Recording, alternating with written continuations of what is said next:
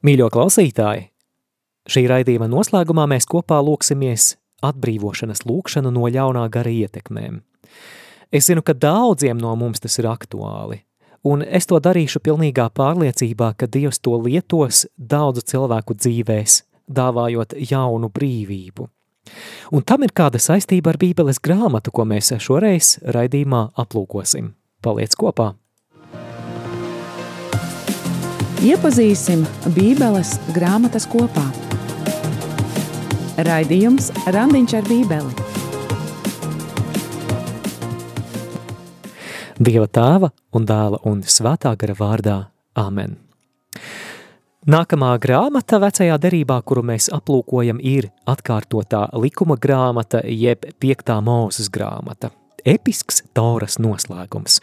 Bet eh, pirms mēs ķeramies klāt šīs grāmatas aplūkojumam, es eh, vēlos atgādināt par iespēju vinnēt skaistu jaunu bībeles izdevumu jaunajā tulkojumā ar Deitera kanoniskajām grāmatām. Jā, tuvojas jaunais 2024. gads, un mēs atkal vēlamies tevi, klausītāji, iedrošināt apņemties sākt lasīt bībeli jaunajā gadā. Un ar manu mīļo sieviņu Olgu jau pagājušajā gadā mēs izveidojām īpašu bībeles lasīšanas plānu 365 dienām, tieši veselam gadam. Saskaņā ar šo plānu tev ir iespēja lasīt bībeli tikai vienu nodaļu dienā, bet gada laikā tu būsi izgājis cauri visam bībeles stāstam no pašiem iesākumiem, no pasaules radīšanas līdz laiku piepildījumam, laiku beigās.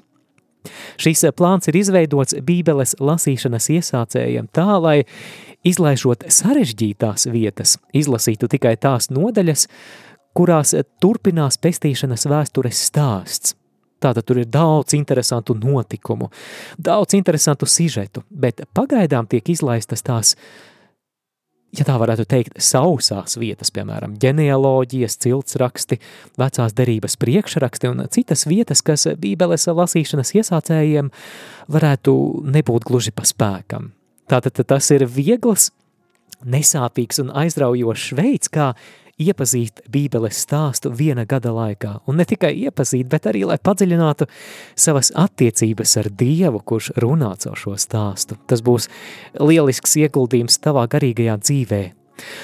Tātad, lasot Bībeli pēc šī plāna, tu varēsi iepazīt Dievu un viņa attiecību stāstu ar cilvēci vairāk. Klausītāji un skatītāji, Ja vēlies, lai mēs atsūtām tev šo bībeles lasīšanas plānu elektroniski, tad raksti uz randiņš ar bībeli at gmail.com. Tā ir e-pasta adrese randiņš ar bībeli at gmail.com. Es zinu, ka jau mums ir pieteikumi, es gan vēl nepaspēju šonedēļ atbildēt, tā ka gaidiet tuvākajā laikā, es jums atsūtīšu, vai arī droši rakstiet randiņu ar bībeli Facebook lapā. Un tu nevien saņemsi šo bībeles lasīšanas plānu gadam, bet tu piedalīsies arī konkursā, jo šī gada pēdējā raidījumā mēs ar Olgu ēterā izlozēsim kādu no jums, proti kādu no tiem, kas būsiet pasūtījuši šo bībeles lasīšanas plānu, un uzdāvināsim jums bībeli jaunajā tulkojumā. Protams, ierakstīsim arī kādu mīļu jauku novēlējumu no mums pašiem. Nu ko, Bet tagad ķeramies klāt Bībelē. Kā jau minēju, episko Toras, jeb piecu mūzus grāmatu noslēgumu sauc par atkārtotā likuma grāmatu, jeb piekto mūzus grāmatu, ko šodien raidījumā arī studēsim. Bībeles panorāma raidījumā Randiņš ar bībeli.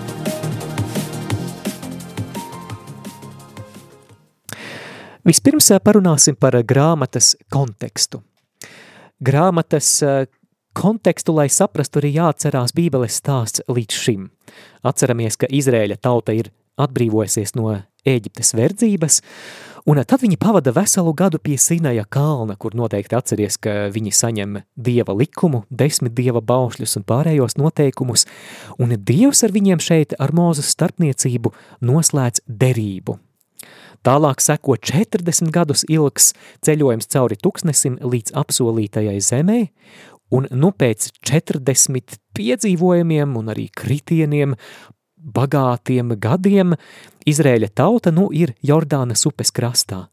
Tur pāri Jordānas upē ir jau tā zeme, kuru Dievs ir apsolījis Ābrahamam un viņa pēcnācējiem – apsolītā Kanānas zeme. Tauta it kā būtu gatava ienākt, un šeit, šajā punktā, iesākas atkārtotā likuma grāmata. Šī grāmata ir Mūzus svinīga uzruna.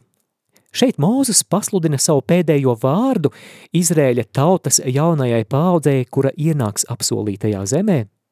Atcerēsimies, ka atšķirībā no vecās paudzes, kas izceļoja no Ēģiptes, bet savas sacelšanās dēļ pret Dievu, apsolītajā zemē neieies. Un iedomājies, ja tu būtu viņu situācijā, tu pēc daudzu gadu ceļojuma tuksnesī esi nonācis pie apsolītās zemes robežas, drīz tur ir jāieiet, drīz tur ir jāapmetas uz pastāvīgu dzīvi. Droši vien arī tavā prātā klausītāji būtu daudz jautājumu. Kā tur dzīvot? Ko darīt? Kā dzīvot apsolītajā zemē ar Dieva svētību? Kas ir jāņem vērā? Kas ir jādara un no kā ir jāizvairās, kas nav jādara? Tad nu uz šiem jautājumiem Mūzes atkārtotā likuma grāmatā atbild savā svinīgajā runā, dodot pēdējos norādījumus. Grāmatas saturs Tātad, kā jau minēju, atkārtotā likuma grāmatu, ja piekto Mūzes grāmatu veido gara, gara, svinīga, cēla Mūzes runa. Bībeles pētnieki šo runu mēdz iedalīt trīs lielās daļās, par tām parunāsim pirmā daļa. Tas ir fragments no pirmās nodaļas līdz 11. nodaļai. Mūzus eh, sava runu iesāk ļoti nopietnā, svinīgā tonī. Viņš atgādina Izrēļa tautai par to, kā tad notika tās izceļošana no Ēģiptes un kā norisinājās 40 gadus ilgstošais ceļojums tuksnesī. 40 gadi! Un 40 gadus iezīmē dumpošanās, nepaklausība, par to mēs jau runājām, kad aplūkojām skaitļu grāmatu. Te ir tik daudz pretestības pret Dievu, pret viņa gribu. Un tā tas ir turpinājies visus šos 40 gadus. Un tagad Mūzus pie apsolītās zemes robežām izaicina Izrēļa jauno paudzi, kas ieies apsolītajā zemē, it kā sakot, bērni, Lūdzu, lūdzu, nedariet, kā darīja jūsu vecāki. Esiet citādāki. Atbildiet Dievam ar mīlestību un paklausību. Un tādēļ teksta turpinājumā viņš atgādina viņiem desmit baušļus, kas ir derības pamats – un tos mēs lasām piektajā nodaļā atkārtotā likuma grāmatā. Atcerēsimies, tur ir bauslis, tev nebūs citus dievus turēt līdzās manim, tev būs svēto dienu, jeb sabatu svētīt, tev būs godāt savus vecākus, tev nebūs zakt, tev nebūs laulību pārkāpt, tev nebūs nogalināt un tā tālāk. Šie desmit dieva baušļi, kas ir visas bauslības kodols, ja? Tālāk, sastajā nodaļā Mūzus tautai pasludina ļoti slavenus vārdus, kurus noteikti pazīsti. Arī Jēzus uz šiem vārdiem atsaucās, kad reiz viņam tika jautāts, kurš tad ir augstākais bauslis likumā. Ļaušu mirklīti tev padomāt, un kā tu atbildētu, kurš tad ir augstākais bauslis likumā.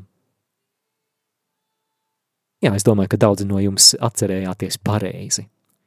Un uh, tagad klausāmies uh, lasām līdzi atkārtotā likuma grāmata sestā nodaļa no 4. līdz 5. pantam. Klausies, Izraēl, tas kungs mūsu dievs ir vienīgais kungs.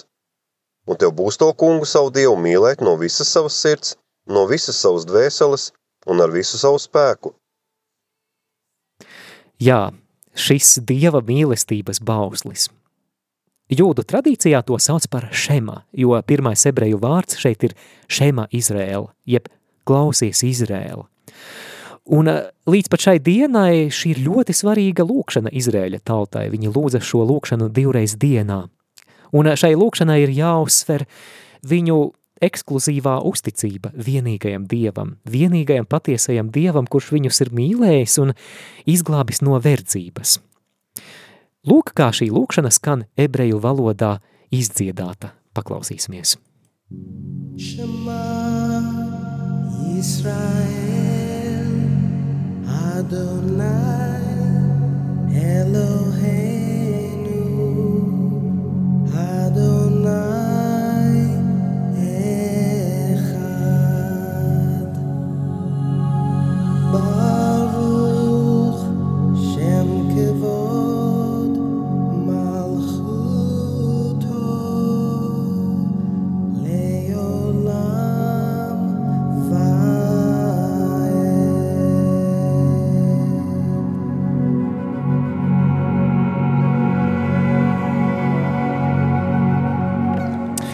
Jā, lūk, šī Izraēļa tautas lūkšana, ko mēs tieši atrodam šodien studējamajā 5. mūzes, jeb atkārtotā likuma grāmatā, 6. nodaļā, klausies Izraēl, tas kungs mūsu dievs ir viens vienīgais kungs, un tev būs to kungu savu dievu mīlēt no visas savas sirds, no visas savas dvēseles un ar visu savu spēku.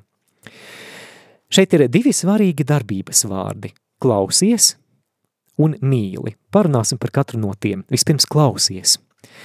Interesanti, ka ebreju valodā šis vārds klausies nozīmē ne tikai saklausīt, ne tikai sadzirdēt.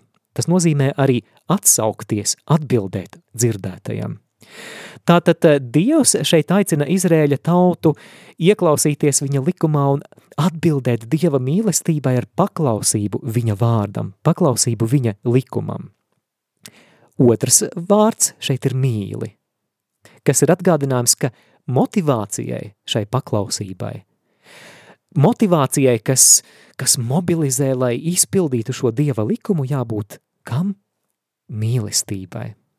Tad, kad tu mīli, tu spēj tik daudz. Tātad eh,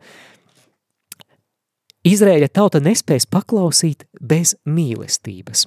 Savukārt, Izrēļa tautas mīlestība nebūs patiesa, ja viņi nepaklausīs Dieva likumam. Tātad starp šiem klausies un mīli ir ļoti, ļoti cieša saistība. Bet atgriezīsimies mazliet pie šīs grāmatas konteksta. Un, un tas arī palīdzēs varbūt labāk saprast, kāpēc Izrēļa tautā šajā brīdī ir ļoti svarīgi dzirdēt šos vārdus, tavs kungs ir viens vienīgais Dievs. Jo atceries, ka Izrēļa tautas jaunā paudze, kura iec, iesoļos apsolītajā Kānāna zemē, ir jau pie šīs zemes robežām, viņi tur ieies un tur viņi sastapsies ar citām tautām, kas šobrīd šo zemi apdzīvo. Un šīs tautas pielūdz pagānu dievības. Un šai slavenajai lūkšanai šiem vārdiem ir jāatgādina, ka neļaujieties citu dievekļu vilinājumam. Neaizmirstiet to, ka ir tikai viens vienīgs dievs bez jebkādas konkurences. Visai jūsu lojalitātei, visai jūsu mērķtiecībai, jūsu piederībai jābūt vērstai tikai uz vienīgo dievu, kas ir Ābrahama, Īzaka un Jēkaba dievs. Un Mūzes tādējādi arī pasludina tautai, ka ja jūs šādi rīkosieties, ja jūs klausīsieties un mīlēsiet, tad jūs spēsiet izpildīt to, ko Dievs ir apsolījis savulaik jūsu ciltstāvam Ābrahamam, kad apsolīja, ka tavos pēcnācējos tiks svētītas visas tautas. Tātad, rīkojoties šādi, jūs atklāsiet visām tautām Dieva gudrību, viņa taisnīgumu, un tādējādi kļūsiet par svētību tām. Ceļojums cauri Bībelei raidījumā Randiņš ar Bībeli. Grāmatas otrā lielā daļa veido porciju no 12. līdz 26. nodaļai. Tas ir liels grāmatas fragments, kurā apkopoti likumi un pavēles. Un, starp citu, arī šeit, at, tieši šeit atkārtotā likuma grāmata gūst savu nosaukumu. Grieķu valodā šo grāmatu sauc par Deuteronomion, kas nozīmē otro likumu, jo mēs lasot ievērosim, ka daudzus no šiem likumiem mēs jau esam dzirdējuši iepriekšējās grāmatās. Tādēļ mēs to saucam par atkārtotā likuma grāmatu. Mūzus šeit izskaidro tautai šo jau iepriekš pie Sinaja kalna doto likumu, viņš atkārto šos baušļus, viņš tos izvērš tā, lai tie būtu aktuāli šai jaunajai paaudzei, kas tūlīt iesoļos apsolītajā zemē. Varētu teikt, viņš dot viņiem konstitūciju, kā tad eh, dzīvot šajā apsolītajā zemē. Un ko tad mēs šeit atrodam? Kādi šeit likumi ir? Šeit ir likumi par to, kā Izrēļa tautai pielūgt Dievu. Šeit ir likumi par to, kādai jābūt viņu pārvaldes struktūrai. Šeit ir likumi par sociālo taisnīgumu, ko, piemēram, darīt ar nabagiem viņu vidū. Kas jāņem vērā, lasot likumus un pavēles šīs grāmatas otrajā nodaļā? Nu, pirmkārt, es, es iepriekš brīdinu, ka likumus un pavēles lasīt nav mūsdienu lasītājiem varbūt tas aizraujošākais uh, lasām gabals. Es tikai brīdinu. Bet otrā lieta ir tā, ka uzmanīgs lasītājs ievēros, ka neraugoties uz to, ka atkārtotā likuma grāmatā likums, par kuru mēs lasījām, lasījām jau iepriekšējās grāmatās, vēlreiz tiek atgādināts, šeit parādās vēl papildus noteikumi. Un, kas varbūt kādus no mums var pat ieļaunot, daži no šiem noteikumiem var pat šķist kā piekāpšanās Dieva izvēlētās tautas vājumam. Piemēram, Iepriekš Toras grāmatās nekas nebija teikts par laulības šķiršanas iespēju. Bet šeit Mūzes dot iespēju atlaist sievu, rakstot īpašu šķiršanās rakstu. Vai atceries, ka par šo farizēja evaņģēlijos izjautāja Jēzu, minot, ka, nu, ko tu saki, vai drīkst sievu atlaist vai nē, jo Mūzes galu galā mums ir ļāvis rakstīt šķiršanās rakstu. Un te svarīgi, vai tu atceries, ko atbildēja Mūzes? Mūzes atbildēja, jūsu cietsirdības dēļ Mūzes jums to ir atļāvis. Iesākumā tas tā nebija. Dievs radīja vīrieti un sievieti, un vīrs pieķersies sievai, un viņa būs viena miesa, un ko Dievs ir savienojis, to cilvēkam nebūs šķirt. Un, un Jēzus saka, jūsu cietsirdības dēļ. Mūzus jums to ir atļāvis. Un šeit ir ļoti svarīga doma atkārtotā likuma grāmatas priekšraktu saprašanai, jo šeit mēs atradīsim patiešām noteikumus, kuri kaut kādā ziņā ir kā latiņas nolaišana. Kāpēc tā? Jūsu cietās sirds dēļ Mūzus jums to ir devis. Un svarīga doma. Ja Sinaja kalnā likumu dod Dievs – Tad šeit pie apsolītā zemes robežām likumdevējs ir Mūzus. Tas ir Mūzus, kas dod šos likumus, un te ir būtiska atšķirība. Bet Mūzus kā gudrs likumdevējs tagad pasludina šo likumu, pieļaujot tādus kā kompromisiņus vai, mm, teiksim tā, Mūzu šeit pieļauj mazākus ļaunumus, lai novērstu lielākus ļaunumus. Viņš vienkārši rēķinās, ar tautas nocietināto sirdi, par ko viņš ir pārliecinājies 40 gadus pavadot ar viņiem laiku tuksnesī. Tātad viņš pasludina likumu, kurš nav pilnīgs, bet kurš ir domāts, lai savaldītu vēl lielāku iespējamo ļaunumu. Piemēram, mums tagad nav laika iedziļināties, bet pravietis Ecehiels 20. nodaļā no 21. līdz 25. pantam tieši komentē šo Mūzes doto likumu pie apsolītā zemes robežām, norādot, ka tauta pārkāpa Dieva baušļus, tauta bija dumpīga, un tāpēc Dievs, 25. pantā rakst, Ecehiels raksta, es tiem devu likumus, kas tiem nebija par labu, un baušļus, kas tiem nedod dzīvību. Jā, tātad šeit var atrast kādus likuma elementus, kas it kā rēķinās ar tautas nocietināto sirdi ar viņu brieduma trūkumu sekošanā Dievam.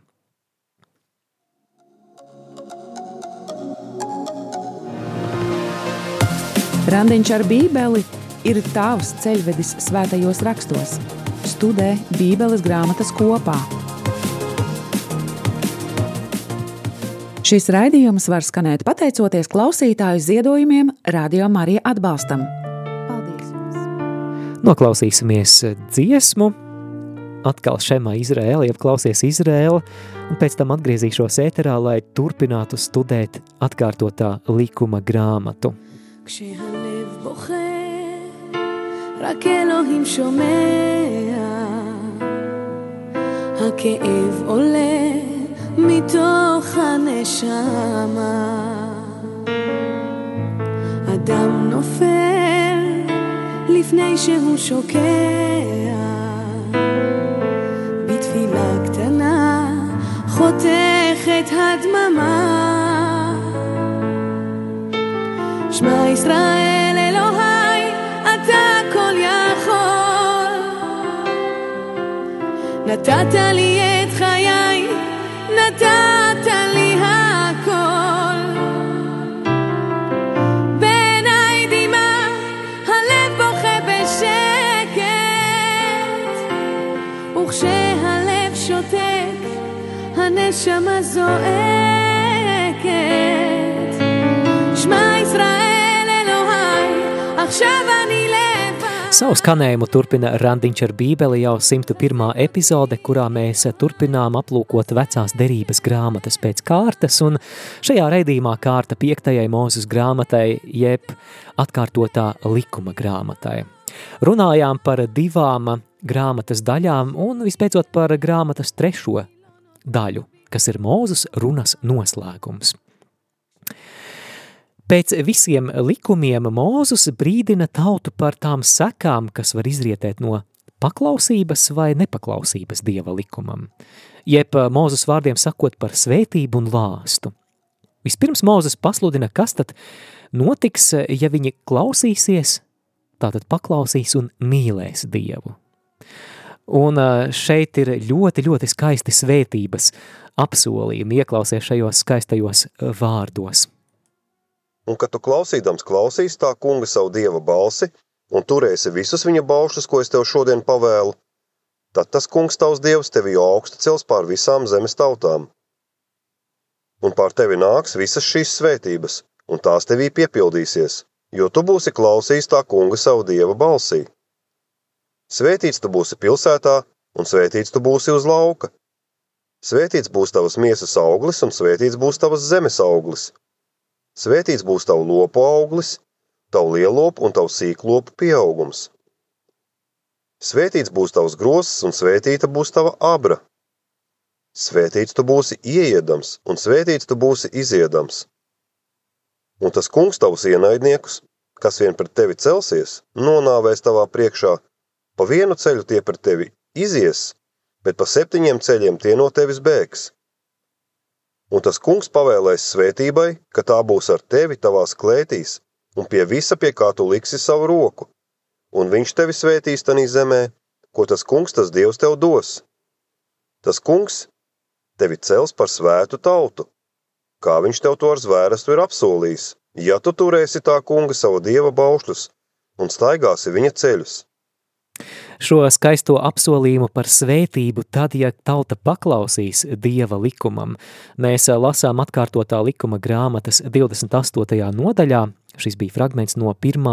līdz 9. pantam. Skaisti, vai ne?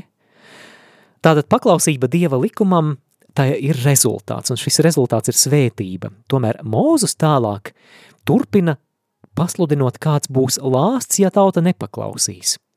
Un te tiek uzskaitītas dažādas nelaimes, bats un slimības, un visbeidzot viņš piemin, ka tauta būs spiesta izceļot no savas, savas zemes trimdā.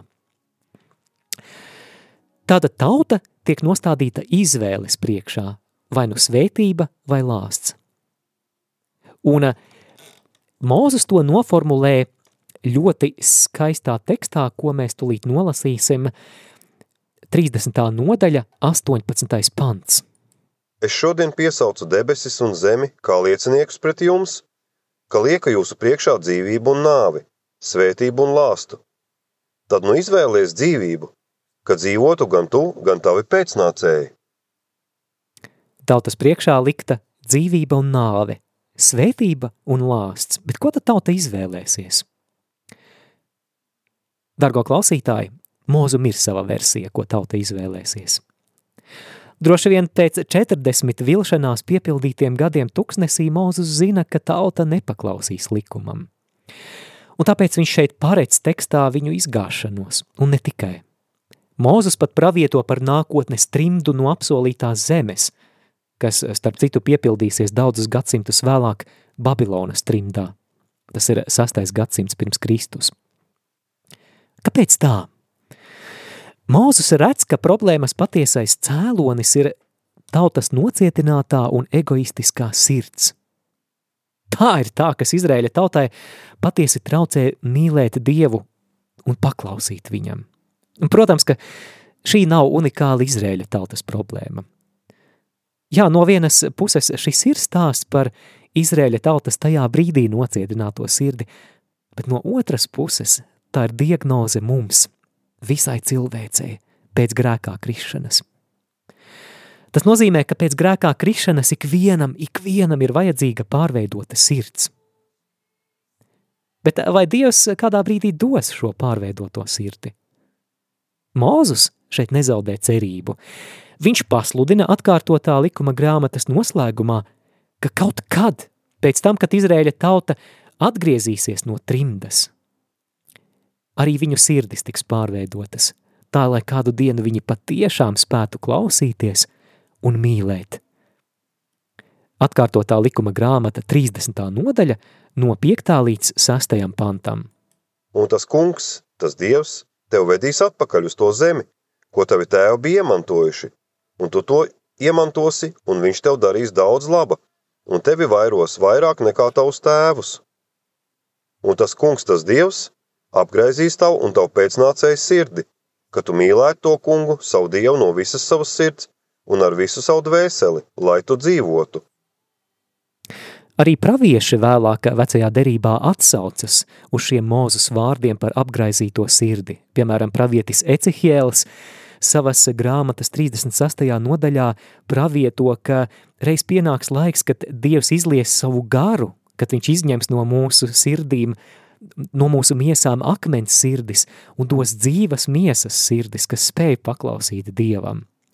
Vai, piemēram, pravietis Jeremijs savas grāmatas 31. nodaļā runā par to, ka reiz Dievs slēgs ar savu tautu jaunu derību, kad Dieva likums būs ierakstīts nevis uz akmens plāksnēm, bet uz cilvēka sirds plāksnēm. Bet atgriežamies pie atkārtotā likuma grāmatas. Tās pēdējās nodaļās par jauno Izrēļa tautas vadītāju tiek nozīmēts Jozo. Jo Mūzus, kā jau mēs to runājām arī studējot iepriekšējo grāmatu, proti skaitļu grāmatu, arī viņš ir sevi diskvalificējis no ieiešanas apsolītajā zemē. Bet pirms savas nāves Mūzes ņem visus pasludinātos vārdus, kas ir pierakstīti, un ievietotos derības šķirstā. Tad Mūzes uzkāpja kalnā, no kura viņš var redzēt apsolīto zemi tālumā, un tad tur mirst. Un ar to arī Tora, jeb piecas mūzes grāmatas noslēdzas. Lasītājs šeit tiek it kā atstāts ar daudziem neatbildētiem jautājumiem. Kā tad būs? Vai tauta paklausīs likumam, vai tomēr piepildīsies mūzus pesimistiskā prognoze? Vai viņa apsolītajā zemē būs uzticīga Dieva likumam? Šis stāsts turpināsies Jozues grāmatā, kuru mēs aplūkosim jau nākamreiz, bet šis ir Toras noslēgums. Tad no šīs grāmatas lasījumi visos laikmetos arī tu, dārgais draugs, tiec aicināts uz to cerību, kas bija mūzum, cerību uz jaunu un pārveidotu sirdi, kas eh, kādu dienu patiešām spēs klausīties un mīlēt. Mēs varam lūgt Dievu ar vārdiem no litānijas Jēzu. Dari manu sirdi pēc savas sirds.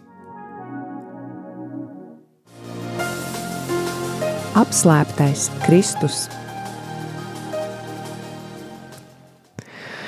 Šajā sadaļā mēs parasti aplūkojam to, kā vecās derības tekstos jau ir nojaušams jaunās derības vēstījums par Kristu. Un atkārtotā likuma grāmatas 18. nodaļā 18. pantā viegli atcerēties koordinātes 18, 18. Mūzus pasludina, ka Dievs tautai nākotnē dos citu pravieti līdzīgu mūzumu. Es viņiem celšu pravieti, kāds tu esi no viņu brāļu vidus, un es likšu savus vārdus viņa mutē, un viņš runās uz tiem visu, ko es tam pavēlēšu. Un ja kāds neklausīs maniem vārdiem, ko viņš runās manā vārdā, no tā es prasīšu. Mēs, kristieši, ticam, ka šī vārda, šī pravietojuma piepildījums ir Jēzus Kristus. Jau studējot Mateja evaņģēliju, iepriekšējās sezonās mēs redzējām, cik svarīga tēma Matejam ir parādīt, ka Jēzus ir jaunais mūzus, jaunais apsolītais mūzus. Tur ir daudz paralēļu starp mūzus dzīvi un Jēzus dzīvi. Bet visbeidzot, Mateja evaņģēlijas 17. nodaļā, kad mēs lasām Jēzus apskaidrošanās notikumu, kas notiek kalnā. Jēzus atklāja savu godību, viņš parādās neizsakāmā skaistumā un no debesīm atskan tēva balss. Un ieklausies, ka šajā tēva balsī atbalsojas tas, ko bija pravietojis Mūzus. Mūzus runāja par pravieti, kurš pasludinās Dieva vārdus, un Dievs aicina klausīt viņam. Un ja kāds neklausīs maniem vārdiem, ko viņš runās manā vārdā, no tā es atprasīšu. Tā tas bija rakstīts atkārtotā likuma grāmatā. Savukārt Jēzus apskaidrošanās ainā mēs lasām, ka tēvs saka, lūk mans dēls, viņu klausiet. Viņu klausiet. Bībeles komentētāji uzskata, ka šis ir, šis ir pasludinājums, ka tas, ko jums ir sludinājis Mūzes Torā, par pravieti pēc viņa parauga, kas reiz nāks un kuram ir jāpaklausa, tas ir piepildījies jūsu priekšā. Lūk, mans dēls, viņu klausiet, viņš ir tas, par ko runāja Mūzus. Arī evaņģēlists Jānis netieši atsaucas uz šo atkārtotā likuma grāmatas rakstu vietu – Piemēram, Jāņa evaņģēlijas sastajā nodaļā pēc tam, kad Jēzus ir izdarījis maizes pavairošanas brīnumu. Pārsteigtais pūlis saka 15. pantā, šis patiesi ir pravietis, kuram bija jānāk pasaulē. Arī tauta Jēzus laika biedri tic, ka Jēzus ir šis jaunais mūzus, kas tika pasludināts atkārtotā likuma grāmatas 18. nodaļā. Pēc pavisam īsas mūzikas pauzītes mēs eh, ķersimies klāt eh, šī raidījuma noslēdzošajai daļai nedēļas doma, kuras ietvaros es arī aicināšu uz atbrīvošanas lūkšanu, un es paskaidrošu vēlāk, kāpēc tieši atbrīvošanas lūkšana. שמע ישראל, אדוני אחד, אדוני צדקנו, שמע ישראל.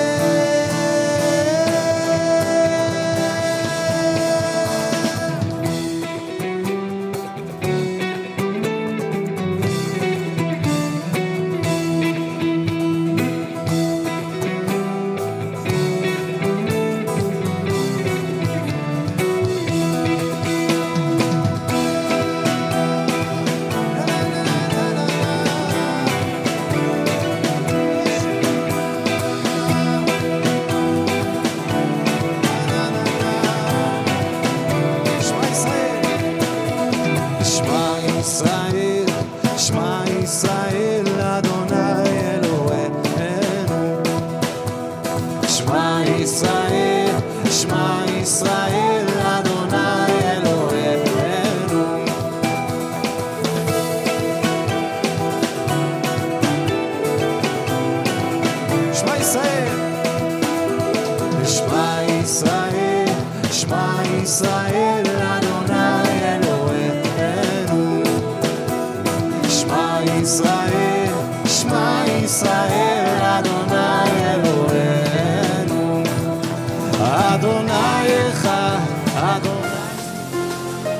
Nedēļas doma.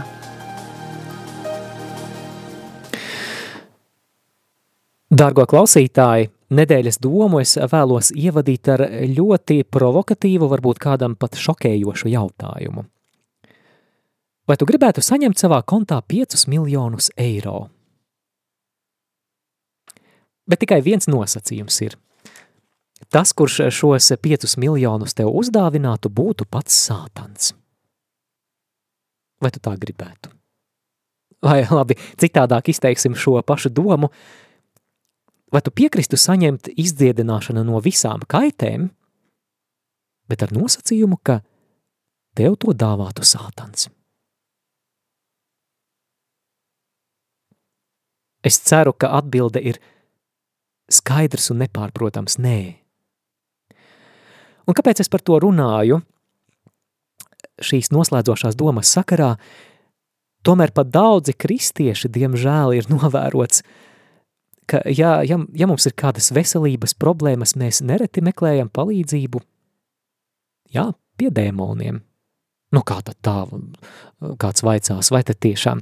Redz, ikreiz, kad mēs meklējam risinājumu savām problēmām pie dziedniekiem, burviem, tā saucamajām tantēm, ekstrasensiem, okultiem mēdījiem, mēs patiesībā meklējam palīdzību pie ļaunā gara. Jā, protams, visbiežāk par to nedomājot, neaizdomājoties, ka, kā es tā visa, ko mēs meklējam stāv ļaunais gars, jo mēs jau parasti nu, tā vienkārši meklējam ātrāku un vienkāršāku risinājumu savai problēmai, kas mūs nomāca. Bet šodienas raidījumā es vēlos, lai mēs aizdomājamies, kas tad ir tā pārdabiskā spēka avots, pie kā mēs griežamies. Tad, kad apmeklējam dziedniekus, burvjus vai kādus zīlēšanas salonus, kad mēs eh, aizraujamies ar kādām austrumu praksēm, Un tad nu nedēļas doma šoreiz ir šie vārdi – uzmanies no okultisma. Uzmanies no okultisma. Un kāpēc šī doma? Kāpēc tieši runājot par atkārtotā likuma grāmatu? Redziet, atkārtotā likuma grāmata mūs skaidri brīdina un aicina uzmain, uzmanīties no jebkādām okultām praksēm, nosaucot to par lielu negantību dieva acīs – un aicinu kopīgi nolasīt tagad atkārtotā likuma grāmatu, jeb 5. mūzes grāmatu 18. nodaļu no 10. līdz 12. pantam. Lai tavējo starpā neatrastos neviens pats, kas savu dēlu vai savu meitu liktu sadzināt ugunī, nedz arī, kas zīlē nākotni, nedz laika zīmi taujātājs, nedz čūsku apvārdotājs, nedz burvis, nedz vārdotājs, nedz garu izsaucējs, nec pareģis, nec mirušo izaicinātājs. Jo visi, kas dara šīs lietas, tam kungam ir negantība. Es tev pastāstīšu kādu liecību, tas jau bija pirms 11 gadiem. Es neatklāšu kādā kontekstā, kur tas bija, lai saglabātu cilvēku, iesaistīto cilvēku anonimitāti.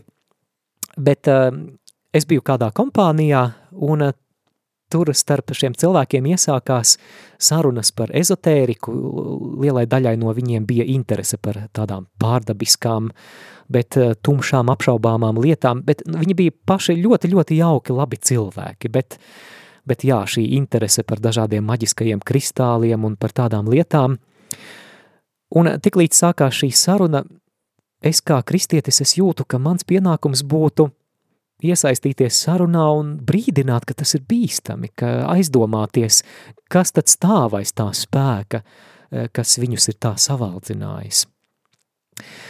Un eh, tajā brīdī es biju pie datora, es datoru bībeli atvēru un atvēru tieši 5. mūzes grāmatu 18. nodaļu, un eh, es viņam teicu, bet, bet ziniet, ko par šīm lietām, kas, kas šai, par šīm lietām ir rakstīts bībelē? Un es sāku lasīt vārdus, kurus mēs nu pat jau dzirdējām. Lai tavā starpā neatrastos neviens, kas zīlē nākotni, nec laika zīmju taujātājs, nec čūsku apvārdotājs, nec burvis, nec vārdotājs, nec garu izsaucējs, nec pareģis, nec mirušo izaicinātājs, jo visi, kas šīs lietas dara, tam kungam ir negantība. Un notika kaut kas interesants, ka tajā brīdī, kad es lasīju šo svēto rakstu vārdus, tas cilvēks, kas šajā kompānijā bija visdziļāk iesaistīts dažādās ezotēriskās un okultās praksēs, gandrīz vai kā gurū, sāka vicināties ar rokām un it kā atgaiņāties. It kā atgaiņājās, tā, tā it kā kaut kāds spēks nāktu virsū, tad, kad es lasīju šo Dieva vārdu kas, manuprāt, parāda, ka pirmkārt Dieva vārdam ir liels spēks, bet kas arī parāda un nodemonstrē to, ka ir vēl kāds garīgs, ļauns spēks, kurš pretojas Dievam, kas ienīst Dieva klātbūtni. Egzorcists katoļu priesteris Vincents Lamperts raksta, maģija, vienalga vai baltā vai melnā, pēc savas būtības ir ļauna un ļoti bīstama, jo tās izcelsme ir tumsas valstība. Tas arī uzsvērts katoļu baznīcas katehismām.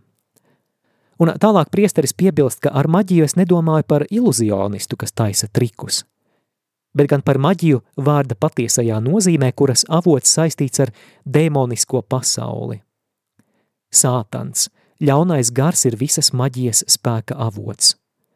No tā vienmēr ir jāizvairās, jo tas, kas ir ļauns pēc savas dabas, nekad nevar radīt kaut ko labu. Tā egzorcists priesteris Vincents Lamperts. Un um, cilvēkiem, kas dodas pie kādiem burviem, dziedniekiem, pie kādām tantēm, meklējot atbildes uz savas dzīves problēmām, ir jāizdomājās, jāsaprot, ka viņi vēršas pēc palīdzības pie sātana un viņa spēka. Šo burvju, šo ekstrasensu vai dziednieku demonstrētais spēks, arī turpina priesteris Lamperts, nevar nākt no viņiem pašiem, jo tas būtu pretrunā cilvēka dabai. Un viņš norāda, mums ir jāsaprot, ka nemateriālā pasaule patiešām pastāv, un tajā ir arī ļaunas garīgas būtnes, proti dēmoni. Tieši šīs būtnes ir spēka un zināšanu avots, kas var izpausties astroloģijā, plaukstas lasīšanā, jeb hieromantijā, zīlēšanā, taro kāršu lietošanā, spiritisma seansos, svārsta lietošanā, vūdū, maģiskajos amuletos un kristālos. Visas šīs darbības tiek nosodītas, jo tās ir elgdievības veids, kas pārkāpja pirmo no desmit baušļiem, kur Dievs saka, tev nav citu dievu, tev nebūs pielūgt citus dievus, tev nav cita dieva kā tikai es. Tātad ikreiz, kad mēs iesa, iesaistāmies šādās okultās praksēs, mēs pārkāpjam sarkano robežu, ko Dievs ir nolicis. Un Dievs to ir darījis mūsu drošības dēļ. Tādēļ doma, ko mēs varam paņemt šodien šajā raidījumā no atkārtotā likuma grāmatas, uzmanies no okultisma.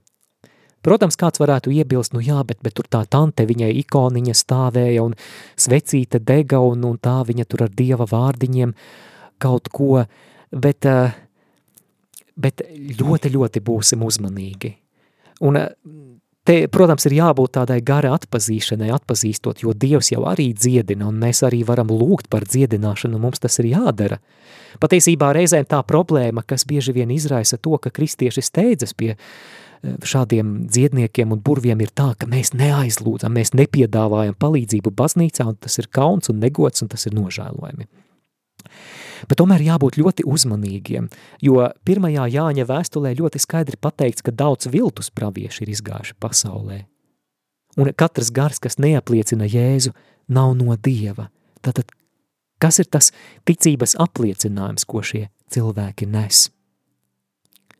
Tas, ka tur ir kādi kristiešu simboli, tas vēl neko neliecina. Bet, protams, arī paši šie cilvēki bieži vien viņi to dara no labas gribas un labu gribēdami vienkārši neaizdomājoties par to, kas tad ir šo spēku avots. Un šādā gadījumā mēs varētu teikt, ka ļaunais gars viņus pašus ir pievīlis. Parunāsim par sekām. Kad cilvēki ļauj sevi apmānīt ekstrasensiem vai kādiem mēdījiem, Rezultātā notiek attiecību nodibināšana starp cilvēku un ļaunajiem garīgajiem spēkiem. Un tas var, kāpēc tas ir bīstami, tas var atvērt durvis ļaunajam garam tavā dzīvē, tāpēc nekad tur nē. Tas var, mēs reizēm pat dzimtās cīnamies ar to, ko mūsu senči ir sadarījuši, ka viņi ir atvēruši kādas durvis ļaunajam garam, un sākumā tas var šķist interesanti, jo tas patiešām pārdabiskais spēks arī no ļaunā puses ir ļoti reāls tas var būt vilinošs. Bet lieta ir tāda, ka tad, kad vēlns kaut ko dod, viņš kaut ko sagaidīs pretī. viņš var, var dāvāt kādu risinājumu, tur kāds aizsteidzas ar kādu slimību, tur kad roze, piemēram, tad es zinu, ka daudzi skrien pie tantēm, viņš var to iedāvāt, viņš var to dāvāt, bet viņš sagaidīs atpakaļ daudz vairāk. Un tā galējā cena, ko viņš grib, tā ir mūsu dvēseles zaudēšana. Protams, Dievs ir žēlsirdīgs, un par to mēs runāsim, bet, eh, bet kā var izpausties okultisma sekas? Tie var būt gan uzbrukumi sapņos, garīga apspiestība, ka jūs jūtat kādu ļaunu klātbūtni, vai varbūt nespēja pārvarēt e-, negatīvas emocijas, kas jūs kontrolē, vai tā varbūt mums būt kā ļoti spēcīga tieksme pēc nešķīstām lietām, pēc narkotikām, alkohola, spēcīgas iekāres domas – varbūt nespēja savaldīt mūsu mēli, ka mēs nevaram beigt lamāties, tenkot vai zaimot. Varbūt tās ir seksuālas perversijas. Reizēm šī demoniskā ietekme mūsu dzīvē var izpausties arī kā fiziskas slimības, kurām nav izskaidrojuma. Jūs veicat analīzes, ejat pie ārstiem un nevar saprast, neviens neko nevar pateikt. Varbūt tā ir kāda uzmācīga jeb kompulsīva uzvedība – Varbūt arī ārkārtīgs nemieris garīgā vidē, ka, piemēram, kad notiek kādas svēta darbības, dievkalpojums ir konsekrācija, tad jums kļūst slikti, jums baznīcā kļūst slikti, varbūt tās ir balsis, ko cilvēks var dzirdēt, vai paranormāla pieredze, piemēram, priekšmetu pārvietošanās. Tas viss var liecināt, ka kaut kur šīs durvis ir bijušas atvērtas uz ļauno pasauli. Bet uh, raidījuma noslēgumā es vēlos ar tādu pozitīvu un cerības pilnu skatienu, lai mēs paraugāmies uz Jēzu, kurš ir uzvarējis ļauno garu, un kurš ir nācis, lai mūs atbrīvotu no vēlna darbiem, kā tas ir rakstīts evaņģēlijos. Un tādēļ es vēlos pēdējās šīs raidījuma minūtes veltīt atbrīvošanas lūkšanai, un nāksim Dieva priekšā, būs lūkšanas, ko es pats lūkšos, būs lūkšanas, kuras es aicināšu jūs atkārtot, Bet, bet tā galvenā ideja ir pateikt nē ļaunajam garam, aizvērt visas durvis ļaunajam garam, atteikties no tā, kas pieder ļaunajam garam un izvēlēties Jēzu Kristu, kurš ir vienīgais ceļš, patiesība un dzīvība. Dieva tēva un dēla un svētā gara vārdā – Āmen. Šīs lūkšanas sākumā Dievs mēs lūdzam aizsardzību pret jebkādām ļaunā gara provokācijām – Mēs lūdzam apklāj mūs ar savām svētajām dārgajām asinīm Jēzu. Mēs piesaucam, lai tavi svētie eņģeļi, lai tavs svētais erceņģelis Mihaēls ir nomodā par mums un kopā ar mums šajā garīgajā cīņā. Mēs nākam tavu spārnu ēnā, pasludinot, ka tu esi mūsu stiprā klints, tu esi mūsu drošība –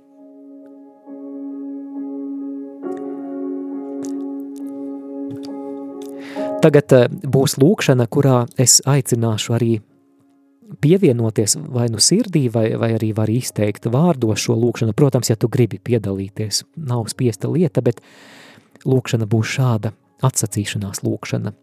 Debesu tēvis,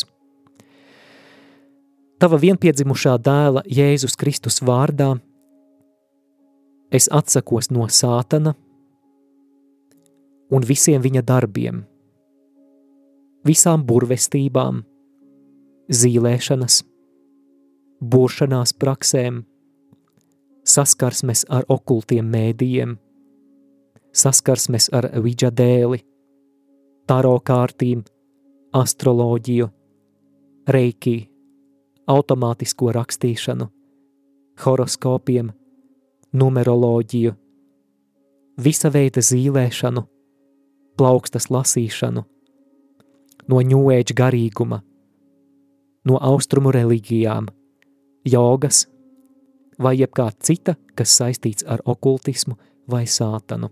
Tagad īsā klusuma brīdī tu vari arī Dievam atdot to, kas varbūt, ko es nenosaucu, bet eh, kas tev šķiet aktuāls, kas ir bijis varbūt tavā dzīvē vai tavā dzimtā?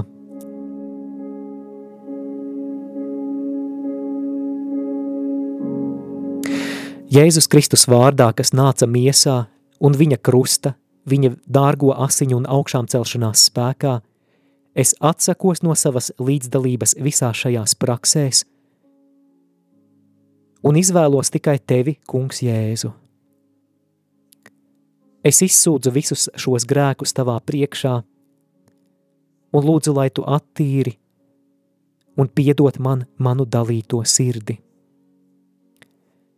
Es lūdzu tevi, kungs, Jēzu, nāc manā sirdī, dāvā man savu žēlsirdīgo mīlestību un dari mani svētu. Es lūdzu sūti savu svēto garu, lai tas mani kristītu ar mīlestību. Es pateicos Tev, debesu Tēvs, kā ar Tava svētā gara spēku Tu stiprini manu iekšējo garu, lai Kristus mājotu manā sirdī. Jēzus Kristus vārdā. Āmen! Tagad es lūkšu.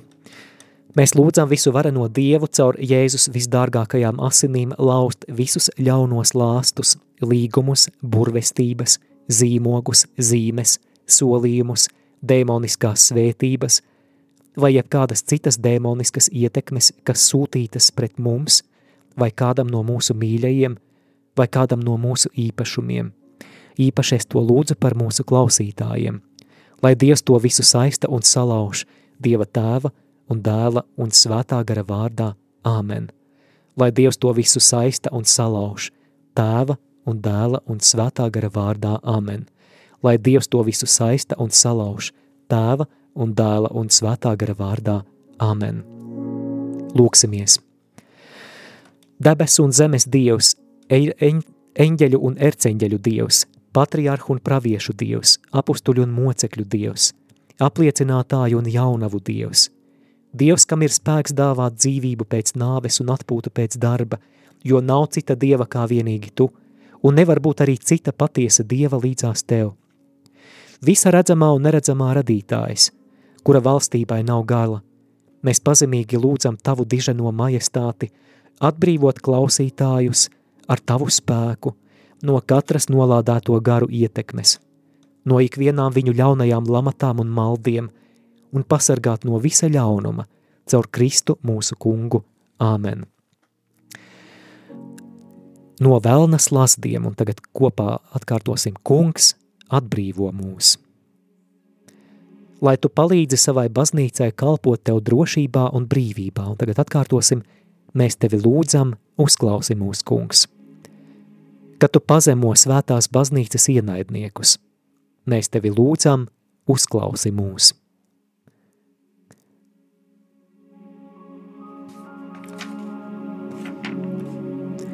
Lai Dievs ceļas un lai viņa ienaidnieki tiek izklīdināti, un lai tie, kas viņu ienīst, bēg no viņa klātbūtnes, lai tie izgaist kā dūmi un kā vasks kūst uguns priekšā, tā lai dēmoni iet bojā to cilvēku priekšā, kuri mīl Dievu un apzīmē sevi ar krusta zīmi un priecīgi saka, esi sveicināts, kunga visdārgais un dzīvību nesošais krusts.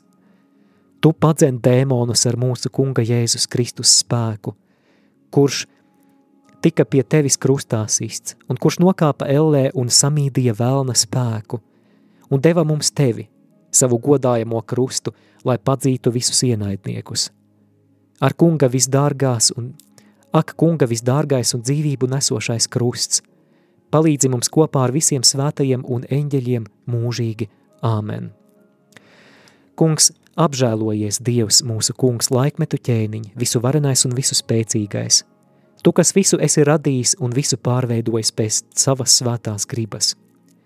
Tu, kas Babilonā pārvērti rasā septiņreiz karstākas krāsnes liesmas un aizsargāji un, un izglābi trīs svētos jaunekļus. Tu esi mūsu dvēseles ārsts. Tu esi glābiņš tiem, kas svēršas pie tevis – Mēs lūdzam tevi padarīt bezspēcīgu un padzīt katru vēlnišķīgo spēku, klātbūtni un schēmu, ikvienu ļaunu ietekmi, ļaunumu vai ļaunu aci, un visas ļaunās darbības, kas vērstas pret tavu kalpu klausītāju.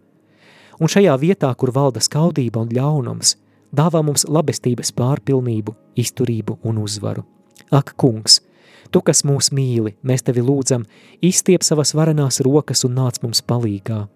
Palīdzi mums, kas radīti pēc tava dēla, pēc tava tēla un līdzības.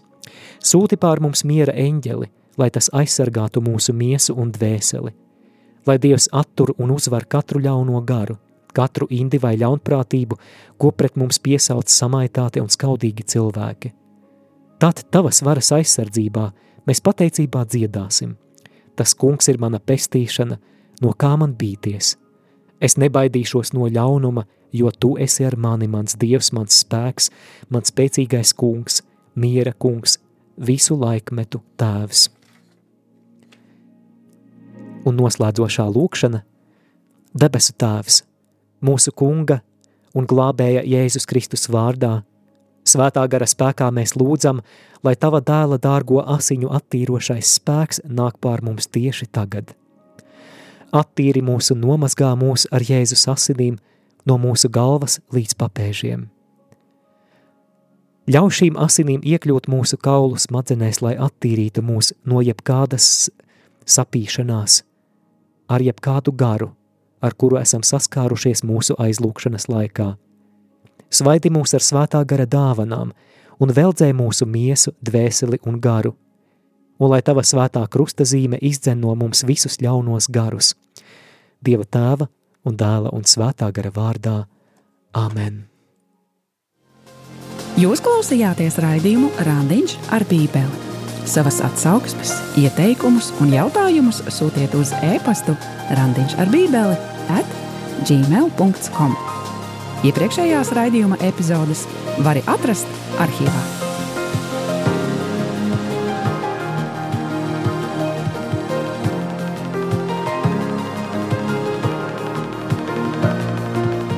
Raidījums varēja izskanēt pateicoties klausītāju ziedojumiem, Radio Mārija atbalstam. Paldies jums!